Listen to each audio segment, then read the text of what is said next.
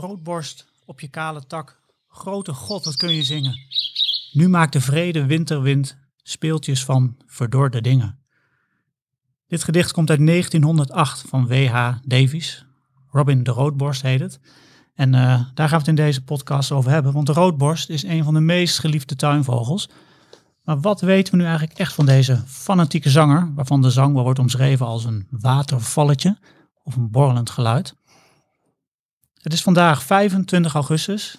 Het regent buiten en ik zit hier samen met Roots-redacteur en vogelkenner Paul Beuren om meer te weten te komen over het leven van de roodborst. Paul, de roodborst. Hij wordt vaak gezien in tuinen. Wat ik me nou elke keer weer afvraag, hebben ze nou van jongs af aan al een rode borst? Worden ze daarmee geboren? Nee, ze worden er niet mee geboren. Uh, de eerste roodborstjes worden eigenlijk vanaf het einde van de lente uh, geboren. En ze hebben ook nog wel een tweede broedsel, vaak wat later in de zomer. Maar als je dan een jonge roodborst ziet, dan uh, zie je inderdaad geen oranje-rode borst. Maar ze, hebben, ze zijn bruin en uh, met lichte spikkels.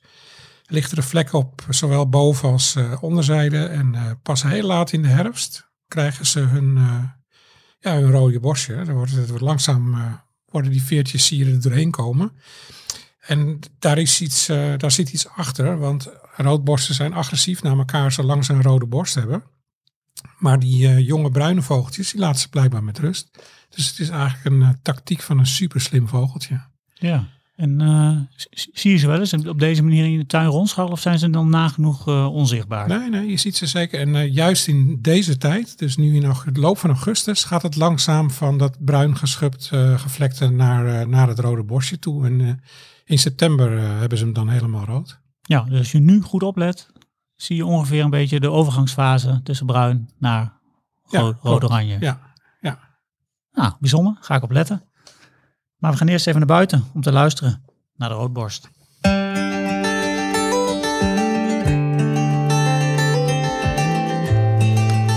Roots presenteert Notenkrakers. De vogels fluiten buiten, wil je weten wie ze zijn? Kom en luister naar Notenkrakers. Welkom bij de podcast Notenkrakers. Mijn naam is Daniel Mulder en in deze podcast neem ik je mee in de wereld van de chilpende, zingende, piepende en kwakende vogels. Maar voor we verder gaan praten over de roodborst, ga ik eerst bellen met Timo Roeken van waarneming.nl om in vogelvlucht te horen wat er allemaal gebeurt in Vogelland Nederland. In Vogelvlucht. Timo, goeiedag. Hallo heren. Hoi Timo. We gaan het vandaag hebben over, uh, over de roodborst, maar voor we, het, voor we daar verder over praten, begin jij natuurlijk altijd eerst even met een, uh, met een bijzondere soort. Je merkt het al, ik ga gelijk van start, want ik, ik heb er zin in. Ja, ik heb het door, Daniel. Ja, normaal gaan we altijd eventjes praten over het weer en andere dingen en, en corona die we gehad hebben, maar nu gewoon gelijk uh, boom, tjak, hupsakee. Ja, Daniel is net met vakantie geweest, dus hij is nog helemaal fris. Oké, okay, nou dan gaan we meteen door naar de steppenplevier.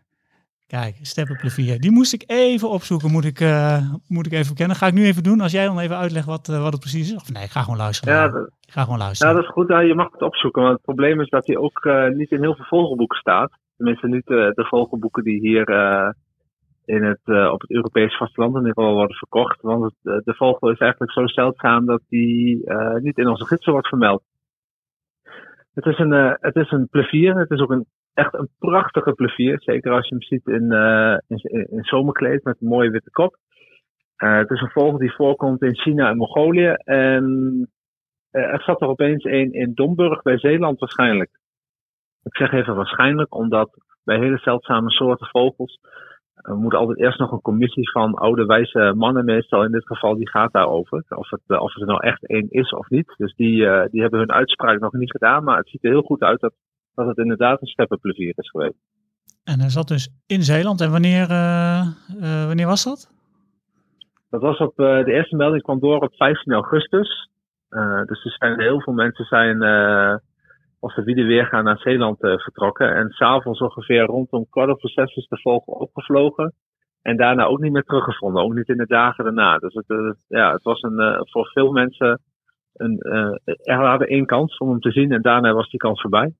Vak, vakterm heet dat een blokker. Ja, een blokker. Een blok, en waarom heet dat een blokker? Nou, dat is een vogel die niet zo snel waarschijnlijk meer eh, gezien zal worden. Maar ja, dat weet je nooit hoor. Dus, Nee. eh, Maar, maar die commissie van wijze oude man heeft nu tien dagen de tijd gehad om, eh, om hier een veto over uit te spreken. Wanneer, horen Ja. we, wanneer horen we dat echt? Die doen daar veel langer over. Ah, Oké, en Paul, jij bent Ja. ook een wijze jongeman. ja, ik zou hem afwijzen. nee hoor, nee, dit is keiharde steppenplavier. Dat, eh, Ja. Die zal gewoon op de lijst komen. Ja, denk ik ook. Ja, Timo, jij bent ook wijs natuurlijk. Eh, jij, jij denkt ook dat het hem is.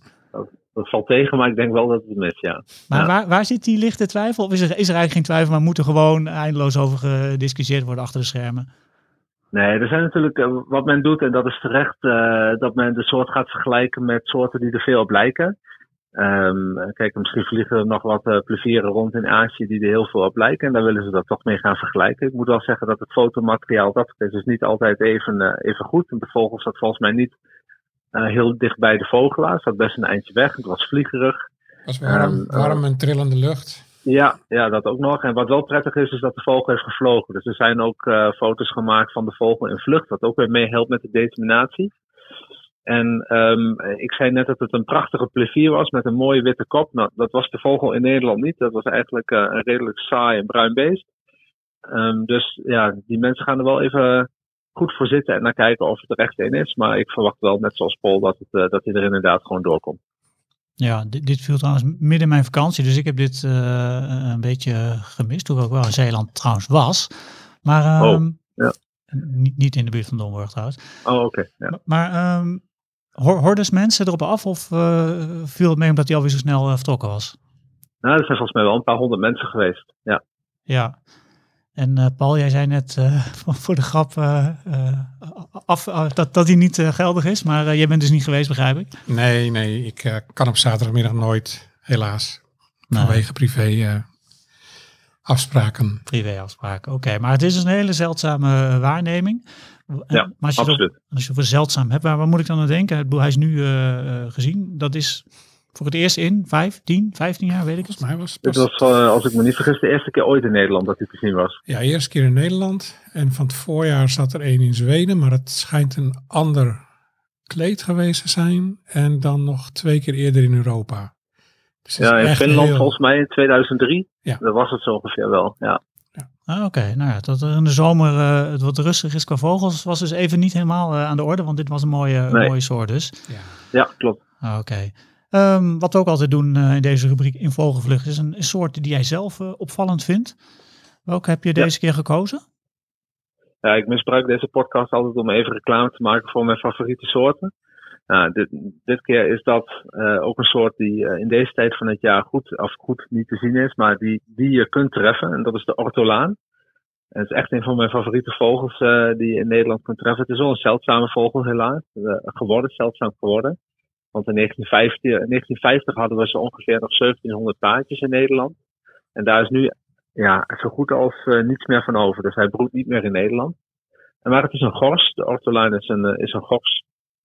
En dat, eh, ja, als je geluk hebt, dan moet je ook nog het geluid een beetje kennen. Dan, kun je hem, eh, dan kan je de vogels zien op een, eh, op een trektelpost bijvoorbeeld. Mhm. En waarom is dit een van jouw favoriete vogels? Ik vind de kleur, de kleursamenstelling, vooral van de mannetjes, vind ik echt prachtig. Ze hebben een heel klein geel, geel oogringetje en een soort van ehm, een gelige snor en baard. Het is, ja, het is, ik vind het echt een wonderschone vogel om naar te kijken. Eh, het is een beetje een, alsof hij helemaal in aquarel is qua kleursamenstelling. Heel zacht allemaal. Ja, Paul laat hem ondertussen bladerend in een vogelboek even, eh, even la- houdt hij hem omhoog. Het is inderdaad een hele mooie, mooie vogel. Maar eh zeldzaam dus inmiddels in Nederland. Broedt, Ja. broedt hier niet Ja. meer. Ehm, maar is dit, is dit nu ook een goede tijd dan om ze te zien? Of? Ja, het is de beste tijd van het jaar om uh, ortolanen te zien. Uh, augustus is de topmaand en op het moment dat uh, september begint, dan, uh, ja, dan daalt de lijn in de grafiek weer naar beneden. Dan is er nog steeds wel een kans om een ortolaan te zien. Ook in, nou, in september en oktober nog wel. Maar die kans wordt wel steeds kleiner.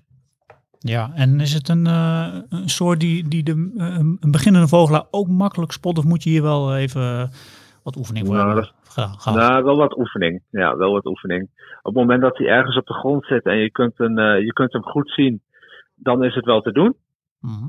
Eh, er zijn weinig soorten die erop lijken. En de, de soorten die er in ieder geval op lijken, die zijn nog zeldzamer dan de ortolaan zelf. Maar goed, het zal niet de eerste keer zijn dat daar een foutje in wordt gemaakt. Maar eh, als je daar dan weer achteraf, achteraf achter komt dat het nog een zeldzamere soort is, zoals de bruinkeel ortolaan, dan dat maakt het verhaal alleen nog maar leuker natuurlijk.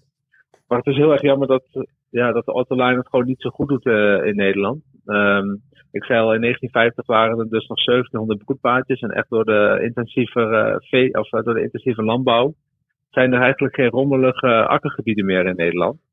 En dan hebben ze ook nog een, een eis dat die, dat die rommelige akkergebieden worden omzoomd door zomereiken. En we merkten in 1975 bijvoorbeeld al, toen waren er nog maar 125 paardjes over van die 1700. En dat is nu, eh, ja, dat is nu teruggegaan naar nul. En dat is wel een trend die je eigenlijk eh, in heel Europa, met uitzondering van Oost-Europa, ziet. De soort gaat heel erg hard achteruit. Ja, toch ook weer een, eh, een vogel die in, in, een link heeft met het, met het boerenland dus. Ja, absoluut. Dat, dat zie je natuurlijk, dat zie je natuurlijk vaker. Paul, is dit een soort die jij graag ziet ook? Ja, Timo- omschreef hem als een eh, nou, bijna aquarelachtige eh, vo- vo- vogel. Ja, dat is een vogel waar je in het voorjaar naar zoekt. Want dan zijn ze mooier eh, gekleurd. En in het najaar eh, maak je gewoon meer kans. En dan zeker inderdaad met trektellen. Als je mensen hebt die daar geoefende oren naar hebben, dan ga af en toe naar een trektelpost. Zo in september. Dan maak je kans dat je erop gewezen wordt dat hij over komt vliegen. Ja, oké. De ortolaan dus. Een, een prachtige vogel om te zien. Maar, Ja. maar het, het roodbosje, volgens mij is dat het allermooiste vogeltje voor heel veel mensen om te zien. Met name omdat hij misschien iets makkelijker ook is. Maar ook dat hij gewoon heel erg, eh, heel erg mooi is. Ehm, ja, deze podcast gaat over het roodbosje. En nou, als het goed is heb jij een beetje gekeken al eh, hoe het met de waarnemingen zit. Hoewel ik zo- maar zo is vermoed dat dat eh, zo een jaar rond een beetje binnencijpelt bij jullie. Dat klopt. Ja, het is het hele jaar door worden de, worden de roodborsten doorgegeven in Nederland. Ehm, nou is het zo dat we in de wintertijd hebben we een grote toename van de soort in Nederland. Omdat heel veel soorten vanuit Oost-Europa helemaal deze kant op trekken om hier te overwinteren. Eh, het is hier toch wat zachter eh, dan eh, als je verder hebt binnenland in, in gaat van Europa. Dus in de winter hebben we er meer dan in de zomer. Oké. En, ehm, maar als je zegt van eh, ze worden het hele jaar door, doorgeteld, is er dan nog een soort eh, dalmaand waarin ze het minst worden eh, waargenomen? Weet je dat zo? Ja, dat is wat lastiger. Vaak is dat wel rond de broedperiode. Dat heeft misschien niet zozeer te maken dat er dan echt veel, meer, veel minder vogels zijn, maar dan leven ze gewoon wat meer in verborgen bestaan. Eh, in het voorjaar hoor je ze natuurlijk echt overal. Eh, ook tot in, de, tot in de donker, in de late uurtjes nog zingen ze door. Dat eh, het is ook familie van de nachtegaal. Ze hebben allebei grote zwarte ogen, zodat ze ook in de avond nog gewoon nog steeds naar voedsel kunnen, naar voedsel kunnen zoeken en kunnen zingen. Ehm, dan, dan hoor je ze eigenlijk het meest. En dan ja, in de zomer loopt het een beetje terug, maar het heeft meer te maken dat ze dan zelf onzichtbaar willen zijn. Ja. En ehm, de roodbos, hij wordt dus nog steeds volop doorgegeven. Ik vraag me wel eens af, want ik geef natuurlijk ook wel eens wat eh, eh, bij jullie door vanuit mijn eigen tuin. Mhm. En dan zie ik weer eh, 16 huismussen zitten. En dan denk ik wel eens, moet ik dat nu wel of niet gaan doorgeven? Want dat kan ik iedere dag wel doen.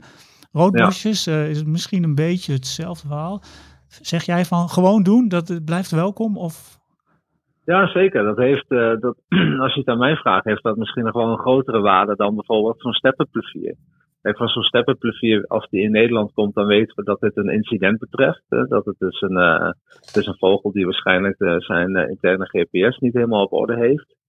Ehm, maar op het moment dat we allemaal trouw onze koolmezen, huismussen en roodborsten blijven invoeren, dan, zien we, dan kunnen we veel beter een trend ehm, ehm, zien in de analyses. Waardoor we, zo zijn we er bijvoorbeeld ook achter gekomen dat het eigenlijk heel erg, een tijdje heel erg slecht ging met de huismus. Puur omdat mensen gewoon bleven kijken naar ook de soorten die gewoon algemeen zijn. En dat is gewoon heel erg belangrijk. ja, oké. Dus eh, als je een roodbos in je tuin ziet, geef hem door aan, eh, aan waarneming. Graag.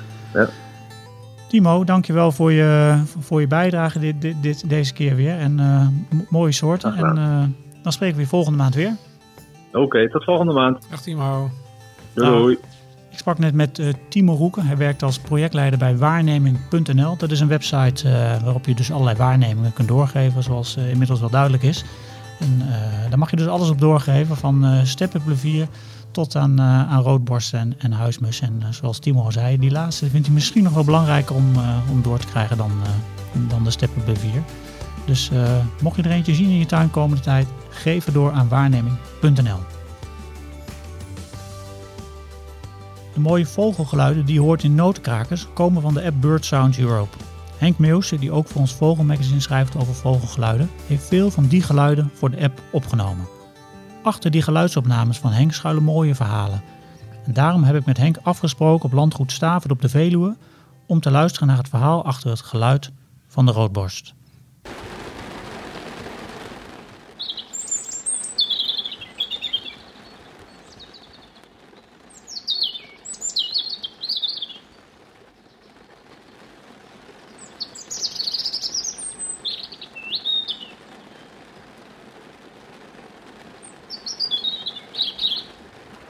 Henk, wat horen we hier allemaal?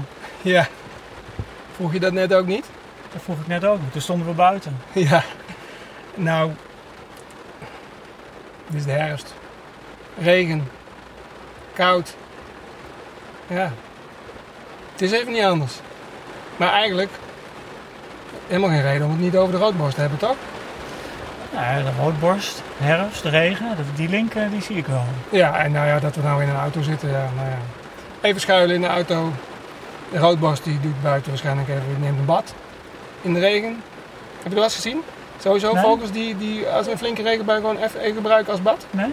Ja, dat eh, Dat doen ze? doen ze. Ja? Ja, doen ze echt wel. Oké. Dat vinden ze. De roodborst ook. Ja, dan moet ik een moeilijke vraag gaan stellen. Oh, ik sorry, vermoed, sorry, ik vermoed sorry. dat de roodborst het ook doet. Ja. Maar ja, de roodborst, eh, wat ik net al zei, is echt een, eh, een herfstvogel die in zijn eentje het, eh, het lentevuur nog even laat nasmeulen. En levend houdt totdat het weer eh, voorjaar wordt. Want ze gaan echt voluit. Als ze in september de eerste vogels terugkomen, ik zit er altijd op te wachten. Je hebt op een gegeven moment in de lente al die vogels gehad waar je op zit te wachten. Dan heb je een beetje de lome zomer gehad. En op een gegeven moment dan begint in september barsten die roodborsten los. En dat is echt voluit, want dan moeten zowel de mannetjes als de vrouwtjes een winterterritorium eh, vestigen. Om eh, voldoende voedsel eh, voor zichzelf te hebben om de winter door te komen.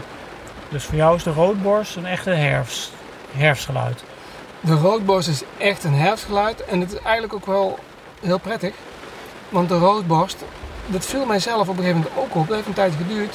Die legt het af in de cacophonie tussen allerlei andere vogels. Het is best wel een, het is een mooie zang. Het is een heldere zang. Maar hij is niet uitbundig. Het is niet zo dat hij ehm, ja, flink tekeer gaat en, en de competitie aan kan met andere vogels. Dus het voordeel van de herfst is, andere vogels zijn stil.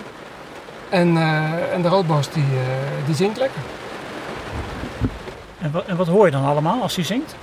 Ehm, het leuke van de roodborst is dat het een, ehm, een variabele strofenzanger is, volgens het boekje van Dick de Vos.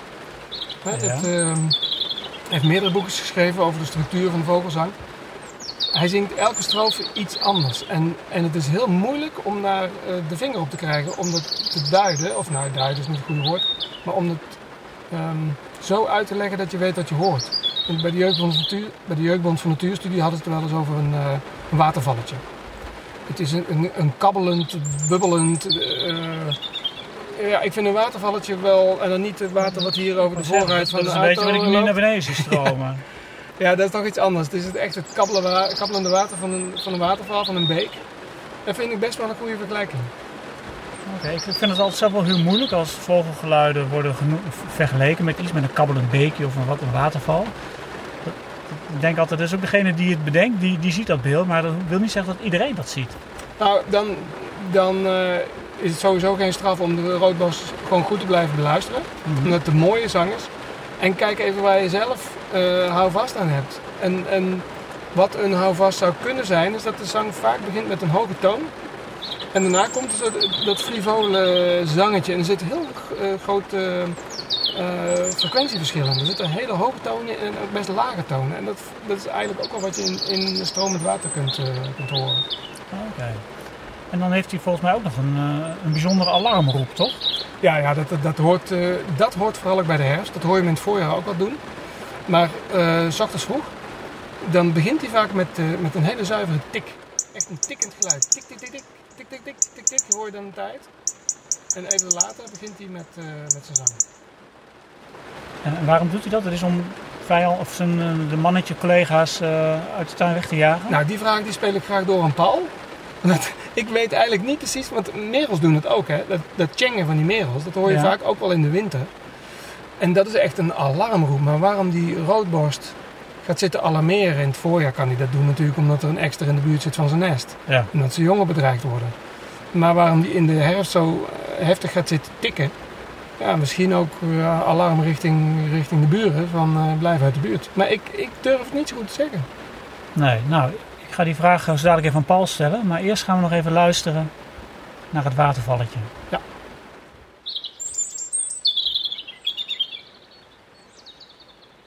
Nou, Paul, we luisterden net naar Henk, die samen met mij eh, in een auto zat waarin het heel hard, eh, heel hard regende. En Henk eh, die stelde je een vraag. En hij was benieuwd waarom roodborsten dus soms ook een alarmroep maken in de tuin. Ja, het tikkende geluid waar hij het over had. Ja. Nou, het is trouwens grappig dat hij daarover begint, want ehm, we gaan het er straks nog over hebben hoor. Maar wat Timo al zei, roodborst die broedt dus in het park of in het bos of soms in de tuin. Maar het overgrote deel gaat straks in eh, de loop van september eh, komen vanuit Oost-Europa en Noord-Europa. En dan, eh, dan verschijnt eigenlijk elk jaar wel in jouw tuin ook een roodborst. En dat is dus niet de roodborst uit jouw buurt. En vaak als je wakker wordt, is het eerste wat je dan 's ochtends hoort het tikkende geluid van die roodborst. En dan denk je, ah, hij is er weer. Dat is altijd zo, zo superleuk. Nou, waarom ze dat nou doen, dat is dat ze eigenlijk laten ze gewoon 's ochtends, als het dan licht wordt, weten, dit is mijn territorium. Dit ben ik. Dus dat doen ze even door, eh, door te tikken. En eh, ja, eigenlijk gewoon eh, puur een, een, een contactgeluidje. Dat ze dus de, aan andere roodborsten laten horen kort van ik ben er. En ook als het dan later op de dag wat, wat, wat meer ja, opgewonden getik, dan is er vaak een vijand in de buurt. En dat vaak een kat. En eh, daarmee waarschuwen ze ook eigenlijk de andere roodborsten van pas op, gevaar, eh, let op. Dus dat is eigenlijk, eh, ja, dat zijn twee redenen waarom ze dat tikkende geluid maken. Ja, en ze, ze zingen dus om hun territorium ook af te bakenen, maar ook dat, dat die, die, al- die alarm, eh, alarmroep Ja, is. wat, wat Timo al zei, dat zingen, dat doen ze toch vaak tegen de schemer als het donker gaat worden. Eigenlijk heel weinig overdag. Dus overdag vervangt dit geluid, eh, dat, dat is ook wat, dat, de zang is wat kabbelend, hè, wat zachter en dat wisselt qua eh, hoogte en, en hardheid. En dat tikken is eigenlijk een geluid wat je op grotere afstand kan horen. Dus dat is echt dan meer een contact, eh, contactroep en ja, duiden van gevaar. Ja, nou, helder, helder verhaal. Hopelijk vindt Henk het, Henk ook een helder verhaal. Vast wel. Ehm, de roodborst, waarom hebben we die voor de podcast van, eh, van september eigenlijk uitgekozen? Ja, straks in september dan gaan ze binnenkomen. De, de grotere aantallen. eh, eigenlijk wordt hun broedaantal geschat op zeg 250.000 in, eh, in Nederland. De laatste telling is in eh, 2015 eh, gebeurd, dus dat is alweer een tijdje geleden. Maar roodborst gaat eigenlijk, staat eigenlijk vrij stabiel in, zijn, in zijn voorkomen. Maar straks dan, ja, waar Timo aan refereerde, eh, komen er veel vogels uit noorden en het oosten, waar het straks ongetwijfeld kouder gaat worden in de loop van eh, de herfst. En die vogels die eh, komen dan bij ons binnen. En dan neemt hun aantal toe tot zeker wel zeker een miljoen vogels die hier dan de hele winter verblijven. En nou, eigenlijk komen ze, ja, je kan nooit precies duiden in september wanneer ze binnenkomen. Maar vaak is het als het net even echt wat frisser gaat worden. En de eerste heldere nacht, meestal zo derde, derde week van september. Ja, dan kan je eigenlijk donder op zeggen dat de volgende ochtend de eerste roodborst eh, bij jou in de straat of in de tuin tikt. Ja, maar, maar de roodborsten die dus nu gaandeweg in je tuin zitten, zijn dus eigenlijk niet de Nederlands. Of, ja, ik weet niet of je sowieso over dat soort dingen mag praten. Nederlands roodborst, buitenlands rood. Maar dat zijn dus eigenlijk eh, roodborsten uit noorden en het oosten van Europa. Ja, er is natuurlijk veel onderzoek naar gedaan. eh, door ze te ringen. En wat eh, duidelijk is geworden is dat eh, een, groot deel van de roodborst broedt over het algemeen buiten de tuinen. Dus zeg maar op meer parkachtige stukjes bos, op de rand van bos. En in het najaar komen dus heel veel vogels binnen. Ja, zo'n roodborst die hier eigenlijk bij jou in, woont, hè, in de buurt woont, die moet een afweging gaan maken. Ga ik naar het zuiden trekken? Want daar is gewoon, hè, in Zuid-Europa, daar zit het overgrote deel van alle roodborsten van Europa. Daar gaat het natuurlijk nooit vriezen. Daar, daar is gewoon altijd voedsel aanwezig. Daar zijn ook hele groene steden. En eh, ja, dus hij moet een afweging gaan maken. Vlieg ik daarheen? Hè, dat is, betekent wel verplaatsen over grote afstand, gevaar, enzovoort, enzovoort. Eh, of blijf ik hier? Nou is het zo dat de winters worden natuurlijk steeds zachter.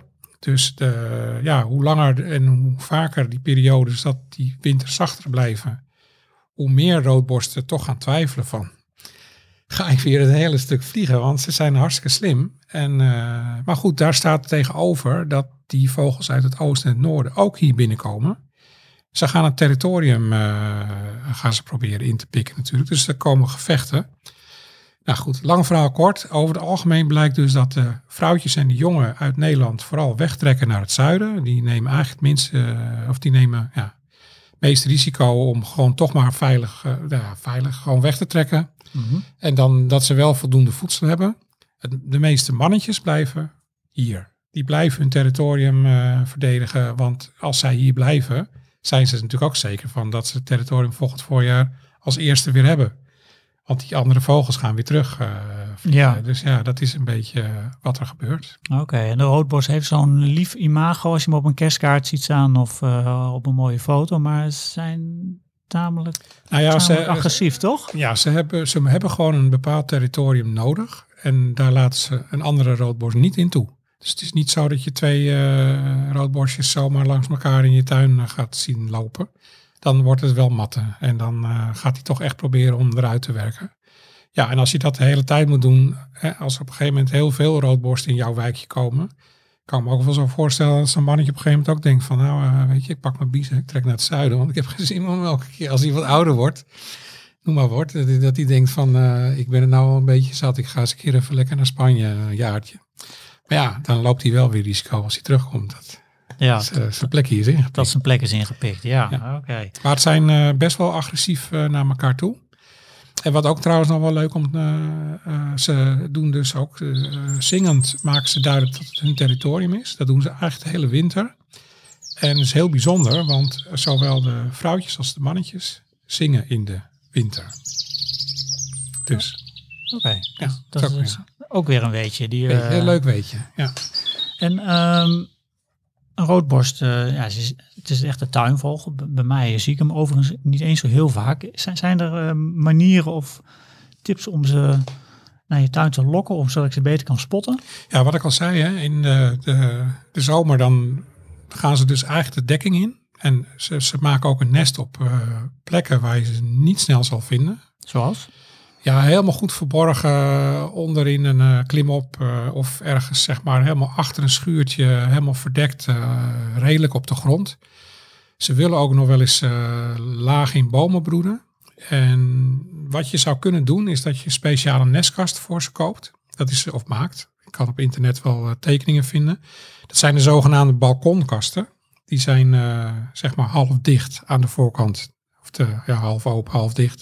Er zit een plankje voor. Dat is waar ze, waar ze heel graag in, eh, in nestelen.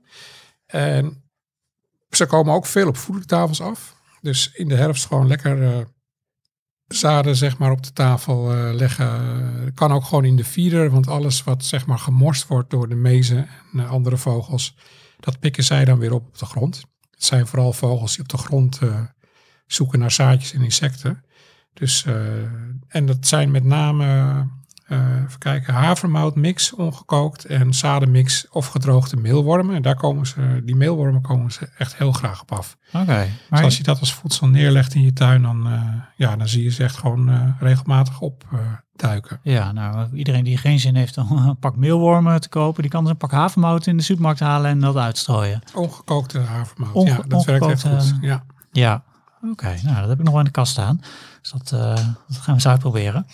En ehm, we hadden het er net in het begin al even over. Ro roodborstjes eh, zijn in het begin bruin en later krijgen ze een, eh, een rode borst. Ik heb natuurlijk in de voorbereiding eens een aantal foto's en filmpjes bekeken van de roodborst. En eigenlijk is het geen roodborst, maar een oranje borst, Ja, vind ik. ja, ik moet je eerlijk zeggen, ik heb het ook op moeten zoeken. Want je zou zeggen van, waarom heet hij niet inderdaad oranje borst? Ja, Het schijnt dus, dat wist ik ook niet, maar dat de veel namen zijn verzonnen eh, in de 15e eeuw. En toen had je simpelweg gewoon nog het woord oranje niet. En daarom noemden ze hem in Engeland als eerste Redbreast. En wat later eh, verwaterd is tot eh, Robin. En eh, ja, dat is eigenlijk de hele simpele reden. Pas bij de introductie van de sinaasappel eh, kwam de naam oranje tevoorschijn. En toen hadden ze al die vogelnamen al eh, verzonnen. Dus daarom heet hij bijvoorbeeld in het Duits roodkelgjen. In het Frans, eh, ja, ik ben niet zo goed in Frans, maar Rouge-Gorg. En eh, ja, in Engeland Robin. Maar goed, als we nog een keer een eh, hernaming zouden moeten gaan verzinnen, dan, dan is oranjeborst, ja, eigenlijk beter. het klinkt eigenlijk niet zo lekker, maar het zou eigenlijk wel moeten, ja. Hij heeft een oranje-rode borst. Oké. Ja. Dus het is eigenlijk eh, een paar eeuwen geleden ontstaan dat ze nog niet eh, een naam hadden voor de kleur oranje. Ja, dat is wat ik, eh, wat ik er eh, Bizar. heb kunnen vinden. Ja. Ja. wist ik ook niet. Ook weer wat geleerd. Weer wat geleerd. En je zei net al even, ma- mannetjes en vrouwtjes zingen. Ehm, als ik ze dan zie zingen, kan ik dan zeggen dat is een vrouwtje, dat is een mannetje? Of zijn ze, hebben ze allemaal een rode borst en zien ze er hetzelfde uit? Nou, bij sommige soorten kan je nog wel eens zeggen van eh, het vrouwtje is iets valer of iets, maar bij de roodborst is dat niet. Voor, tenminste, ik weet dat dat het heel, heel, heel moeilijk, eh, Jij ziet het verschil zeg maar niet. eh, nee, nee, Nou, dan is het volgens mij geen mens in Nederland het verschil. ja, Toch? dat zeg jij. Ja. Nou, Nee, is moeilijk. Nee, ik denk dat zij echt gewoon bijna volledig identiek zijn. Ja. Oké. En ehm, ja, we hadden net al even over, eh, over die aantallen die je noemde. Hè? Eh, dat, dat er eh, tot een miljoen, hè, als ik jou goed eh beluisterd heb, in Nederland binnenkomen. Maar wat is nu de actuele stand van, van de roodborst in Nederland? Is dat, gaat dat een beetje stabiel? Of Timo zei het volgens mij ook altijd dat redelijk. Ja, wat ik zo begreep uit de atlassen van tussen de jaren 70 en begin van deze eeuw is het, was het licht stijgend en is het nu stabiel op broedpopulatie van 250.000. En eh, toen de tijd had je nog wel eens eh, redelijk strenge winters. Ja, de roodborsten die dan in Nederland bleven, die eh, legden vrij snel het loodje. Het is een vogel die, die het snel, net als de ijsvogel, omdat ze zo klein zijn en echt snel bevriezen. Maar ze leggen sowieso heel snel het loodje. Want, heel, want ik heb het boek, eh, het, ligt hier naast me. Ik zal even de titel goed voorlezen. Van Stephen Moss heeft het geschreven. Het roodborstje, een biografie.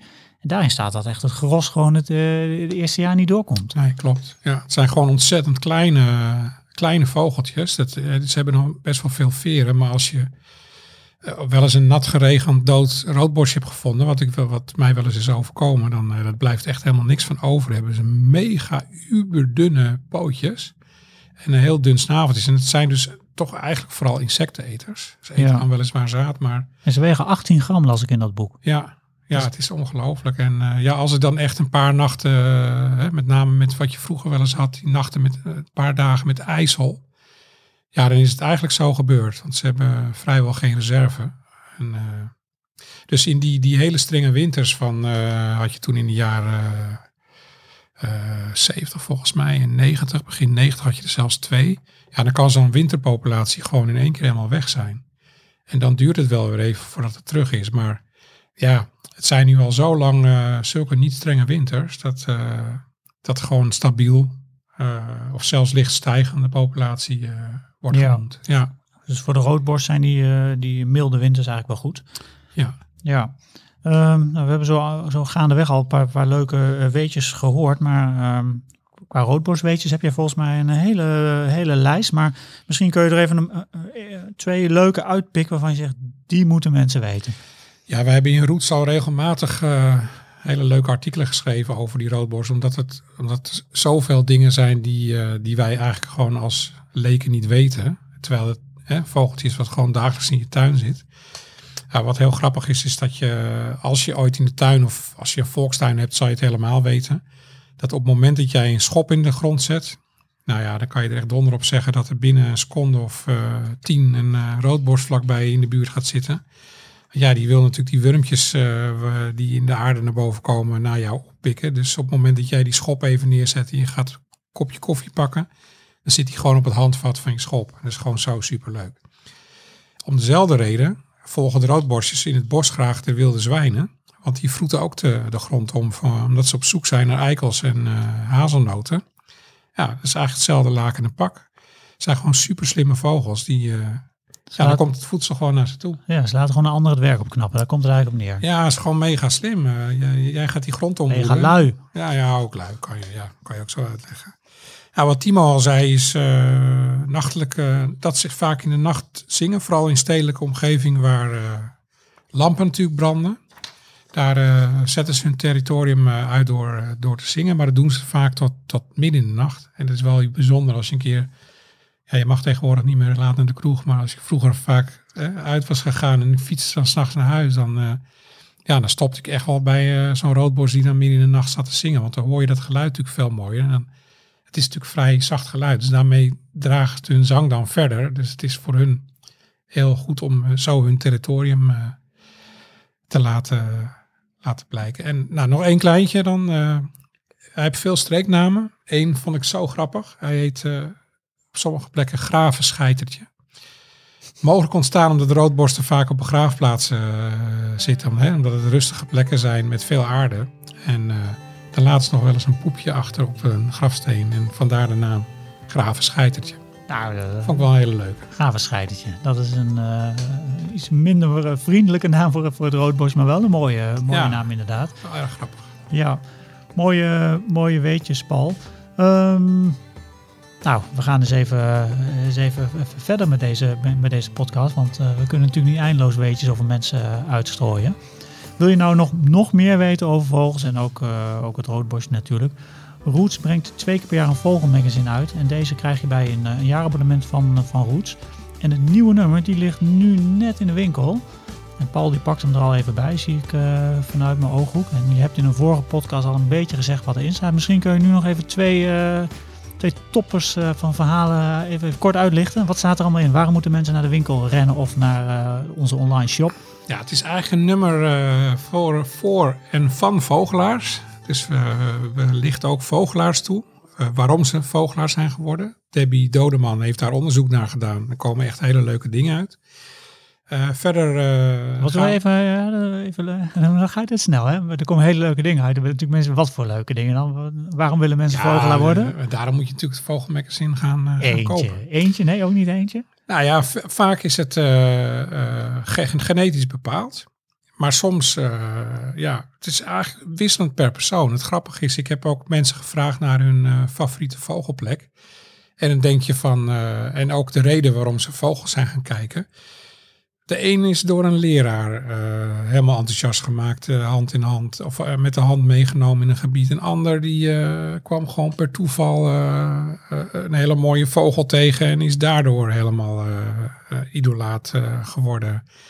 Ik moet je eerlijk zeggen, ik heb er ook wel eens over nagedacht waarom ik vogelaar ben geworden. Want in heel mijn familie was niemand geïnteresseerd in, in vogels, volgens mij. Niet genetisch dus. Blijkt toch dat een opa ooit volière en helemaal volière vogels weliswaar, maar echt helemaal lijp was van vogels. Dus het zal bij mij toch ook ergens in de genen.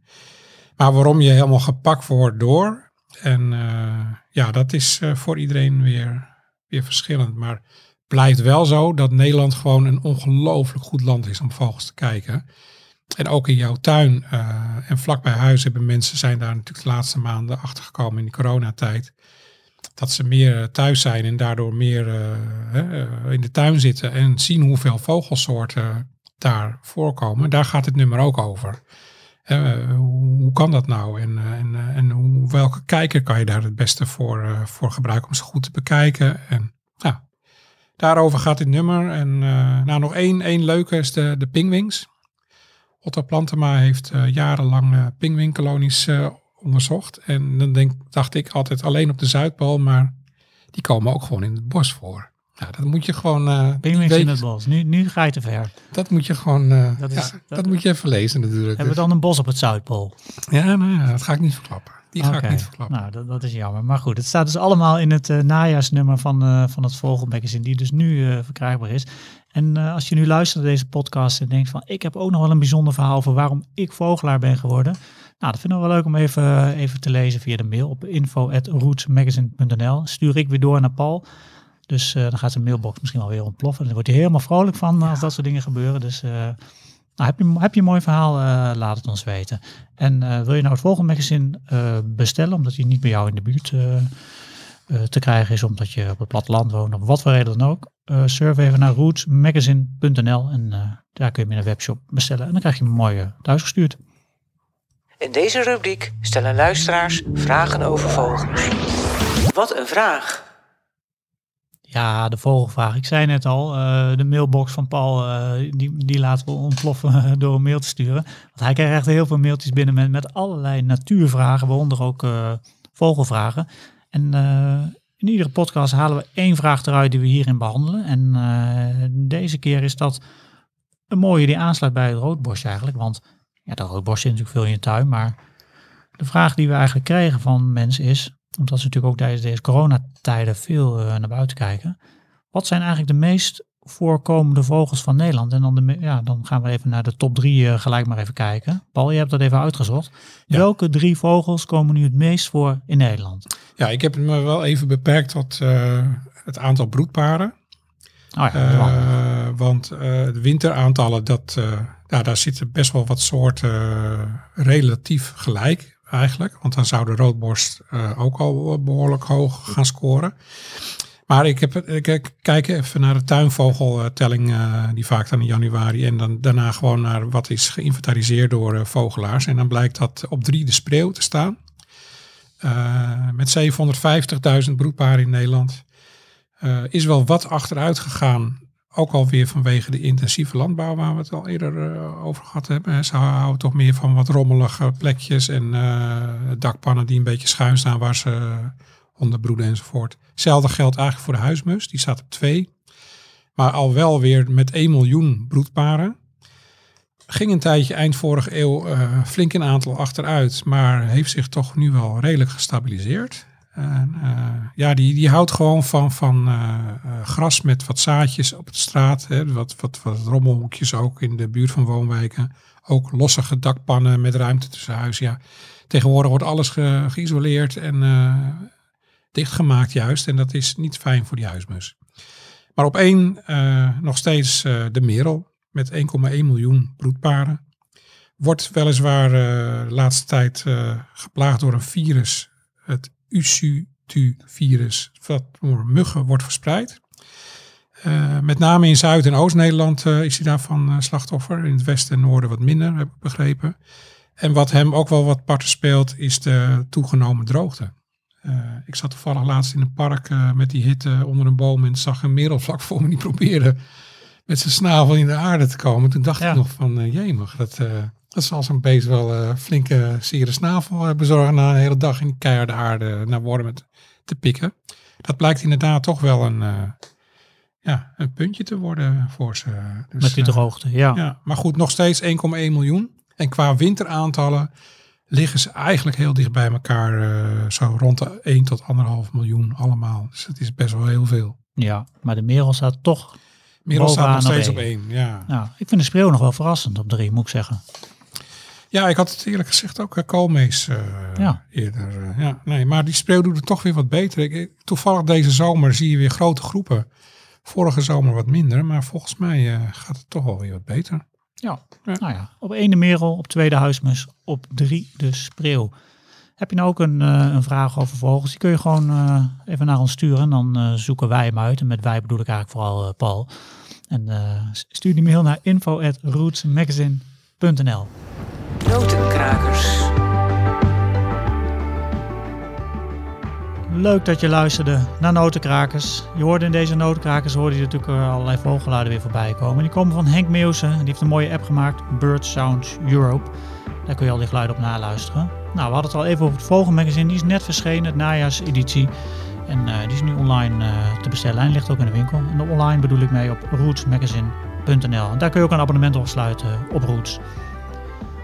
De volgende notenkrakers. Ehm Paul, dan ga ik altijd even naar jou kijken. Ja.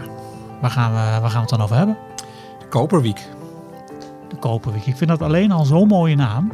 Ja, dit is, hij is genoemd naar eh, ja, koperkleurige, ja, een beetje roestbruine eh, flanken, zeg maar, de zijkant van zijn eh, borst. En ook als je hem ziet vliegen, onder op zijn vleugels heeft hij prachtige roodbruine kleur. Oh, Oké, maar ik zal ik hem eens even laten horen. Maar het, ja, Dat was een hele korte, hè? ja, het klinkt heel iel. Eh, maar dit is het geluid waar alle vogelaars eind september, begin oktober, eh, ja, eigenlijk als het donker wordt in een tuin naar gaan hopen te luisteren. Op hoop te luisteren. Ik zal hem nog een keer doen.